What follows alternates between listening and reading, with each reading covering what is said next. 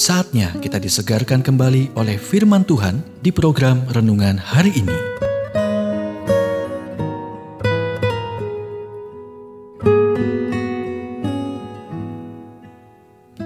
Renungan hari ini berjudul Jangan Menilai Buku dari Sampulnya.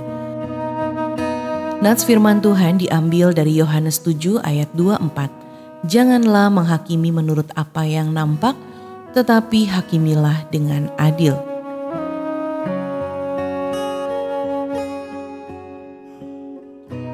John Wesley berkata kita harus ketat dalam menilai diri kita sendiri dan murah hati dalam menilai orang lain.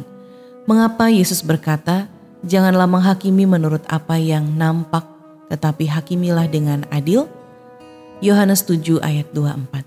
Karena dia telah mengalami sakitnya penolakan dan kesalahpahaman.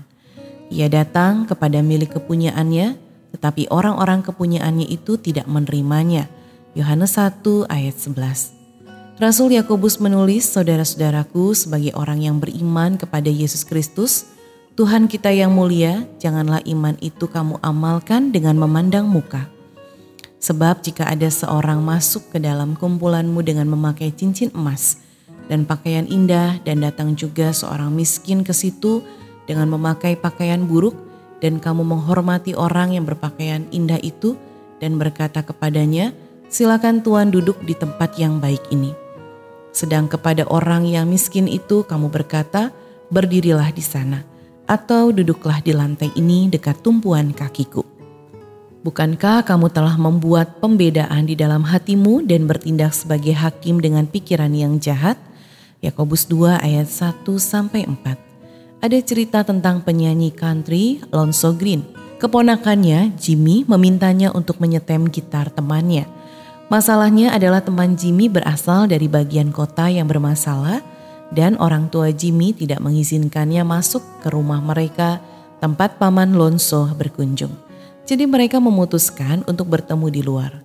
Lonso bisa memperhatikan kesadaran anak itu terhadap lingkungan yang kaya. Lonso pernah mengalami kemiskinan dan diskriminasi dalam hidupnya sendiri, menyetel gitar tua bocah itu mengajarinya beberapa akord dan juga lagu.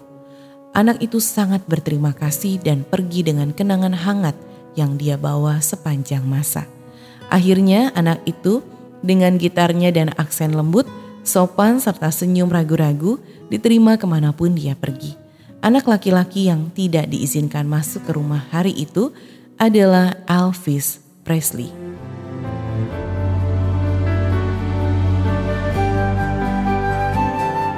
Kita telah mendengarkan renungan hari ini.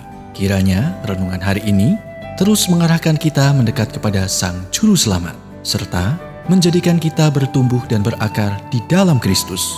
Renungan hari ini tersedia dalam bentuk buku maupun digital dan bisa Anda miliki dengan menghubungi Japri di WhatsApp 0812 8784 7210 atau email ke infoapripusat@gmail.com. Tuhan memberkati.